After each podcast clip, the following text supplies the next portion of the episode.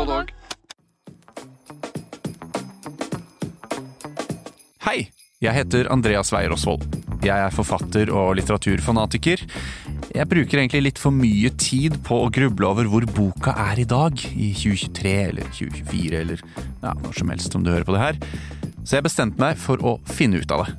I min nye podkast Boka er bedre skal jeg snakke med kule gjester om bokas plass i samfunnet i dag.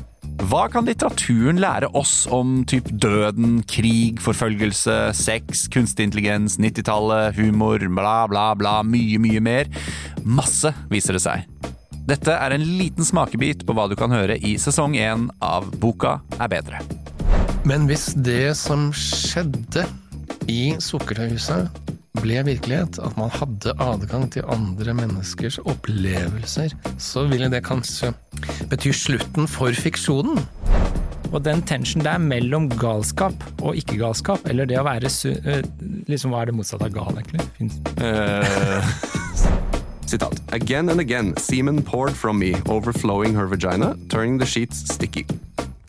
Og det er bare litt, altså. Jeg gidder ikke å gå så mye på det, for det blir ganske med Da blir det sånn Onlyfans. eh, Ja, det blir Da vil vi legge ut denne podkasten på Onlyfans. Nettopp.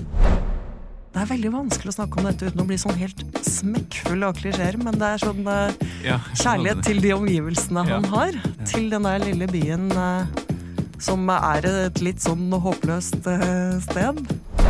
Så når han blir født, så sover han i 25 år, og så våkner han.